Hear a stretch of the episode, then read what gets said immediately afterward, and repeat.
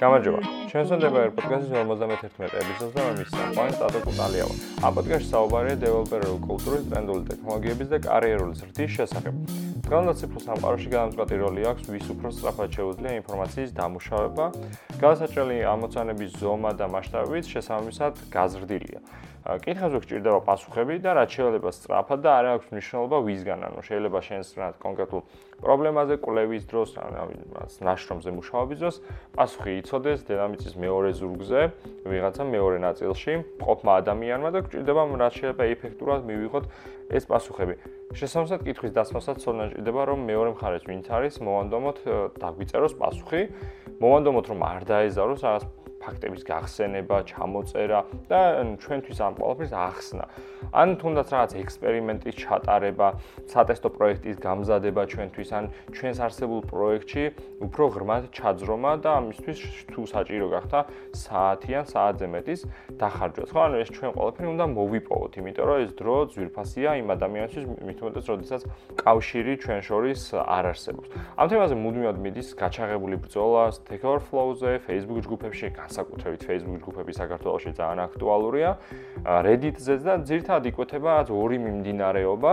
ერთი ხალხი, რომელიც კითხულობს, რომ მე რე კითხვა დასვას და მეორე, ვინც საერთოდ კითხვის დასმის ფორმატი არის ის და აი პარალელი შეიძლება იმასთან გავალოთ, საერთოდ შეკრება რო არის და ერთი ადამიანი რო მოხვდება საერთოდ გაგებაში რო არ არის აქ რატომ არის როგორ მოხდა რანაირად აი ამ ამას რო შევადაროთ. პირველ ძალიან კაი შემთხვევა ჯგუფში შემოდის რაღაც X ადამიანი და ასეთი კითხვა აქვს რა Android დეველოპერები ხართ ვინმე გამომეხმაურეთ რაღაც სასოწარკვეთილი ინტონაციით კითხულობ ხოლმე მე ასეთ პოსტებს ან კიდე ასე Android დეველოპერები ვინც ხართ პირადში მომწერეთ რა და შეიძლება უნდადეს თქვას რომ ვინმე დამეხმარეთ ამ საკითხზე შეიძლება ვიღაცამ სულ არ იცოდეთ Android-ი, მაგრამ ჩემ კითხვაში იქნება რამე ისეთი პირობა იყოს, რომ შეძლოთ დახმარება და ანუ პლატფორმის ღრმაცოდნას არ მოითხოვდეს და ასეთი კითხვა რო დაწეროს, ბევრად მეტი ადამიანი მიაქცევს ყურადღებას, ხო? და ზოგჯერ კითხვის დამსმელს გონია, რომ Android-ის ცოდნა აუცილებელი, იმიტომ შეიძლება თვითონ კონდეს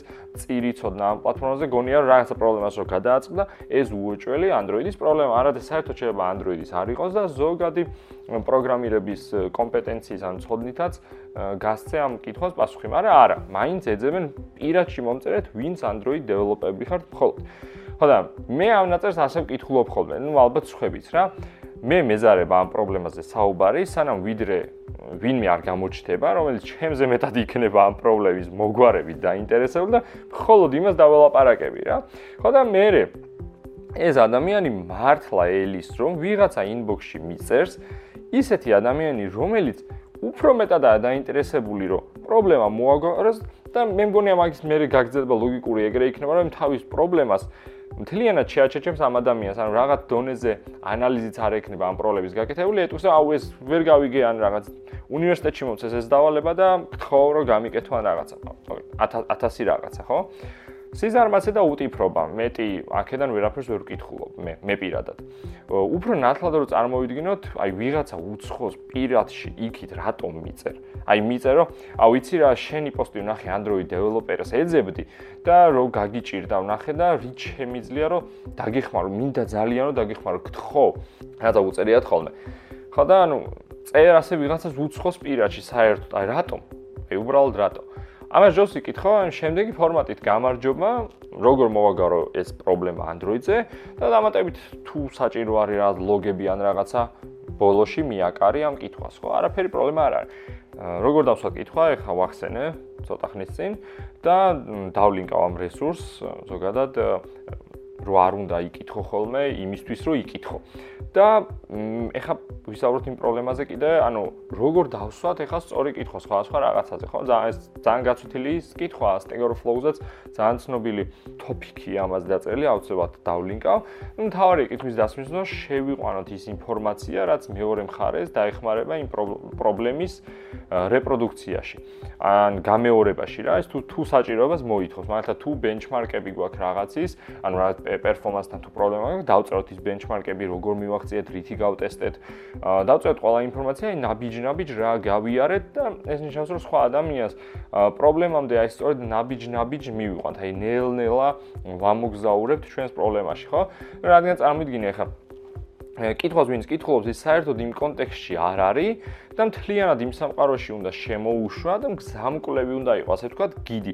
და სწორედ აი ამ ნაბიჯ, ნაბიჯ რაღაცის ჩამოწერაში შეიძლება შენ თვითონვე იპოვო შენს პრობლემაზე პასუხი ან კიდევ ერთი გზა აღმოაჩინო, საით შეიძლება კვლევის გაგრძელება. სწორედ ამიტომ არის კიდევ ერთ-ერთი მეთოდი, რომ დაახლოებით 15 წუთი არ დაწერო კითხვა, არის კითხვა, ეცადე რომ შენ თვითონ გასცე ამას პასუხი და ჩამოაყალიბო ალტერნატიული გზები. ან კიდევ ერთი დამატებითი მეთოდი არის ამისი, yellow duck debugging ქვია, ანუ ყვითელი ძიხვი, რომელიც გიზის მაგიდასთან, ან დეველოპერებს ბევრს გვიზის ხოლმე, შეიძლება უბრალოდ ისე ელაპარაკო, ანუ ინდონეზე უნდა დააღეჭო ამოცანა, რომ პლასმასის იხსაც კი, ანუ ახმადი იყოს მისთვისაც კი ეს პრობლემა. სწორედ აი ასე უმცირეს დეტალებში ოჩაშახვალ, შეიძლება ძალიან მარტივად იპოვო სადმე პრობლემა თუ გეპარებოდა. ხო, ეს ცოტა ლირიული გადახვევა იყო, ეხა უკან დავბრუნდეთ. ხო და კიდევ ერთხელ რაღაცას უნდა შევიჯერდეთ, ეხა როგორ პასუხს ველით, ესეც უნდა ვიცოდეთ. ველის მსჯელობას, ზოგად პასუხს თუ რაღაც ექსპერტულ მოსაზრებას, ანუ ამაში ჩვენ თვითონვე უნდა გქონდეს რაღაც გათვლილი რა პასუხს ველით. ამაგალითად, რა პასუხსაც ველით, იმის შესაბამისი კითხვა უნდა დავწეროთ. რა თქმა უნდა, არ გვინდა პასუხები კი და არა, ხო? ანუ ისეთი პასუხი, მაშინ ისეთი კითხვა არ უნდა დავწეროთ, რომელზეც ძალიან აშკარა პასუხი იქნება. არა. ასე არ გეთ, ან კი, ასე ასე უნდა გააკეთო, ხო? უფრო მეტი ანალიზი გჭირდება. ამიტომ თუ ვიღაცისგან ვითხოვთ ანალიზს და დროის დახარჯვას, ჩვენ თვითონ წინარე პირობა უნდა შეუქმნათ, ასე ვთქვათ, შემოვიდყუოთ უნდა ვიღაცა კითხვაში, რომ მოუნდეს პასუხის გაცემა. სულ ეს იყო დღეისთვის, არ იყო გრძელი ეპიზოდი და არც ახალი პრობლემა არ იყო, თუმცა იმდან ხშირად ვაწყდები ამ პრობლემას, რომ გადავწყვიტე ჩამეწერა. ხო და გთხოვთ, რომ შეფასება დატოვოთ Apple Podcast-ზე, იმიტომ რომ თქვენ დაიხმარება Relate Podcast-ებში, იპოვოს ეს პოდკასტიც. Ух, давай. Помолчи, пацан. Алло.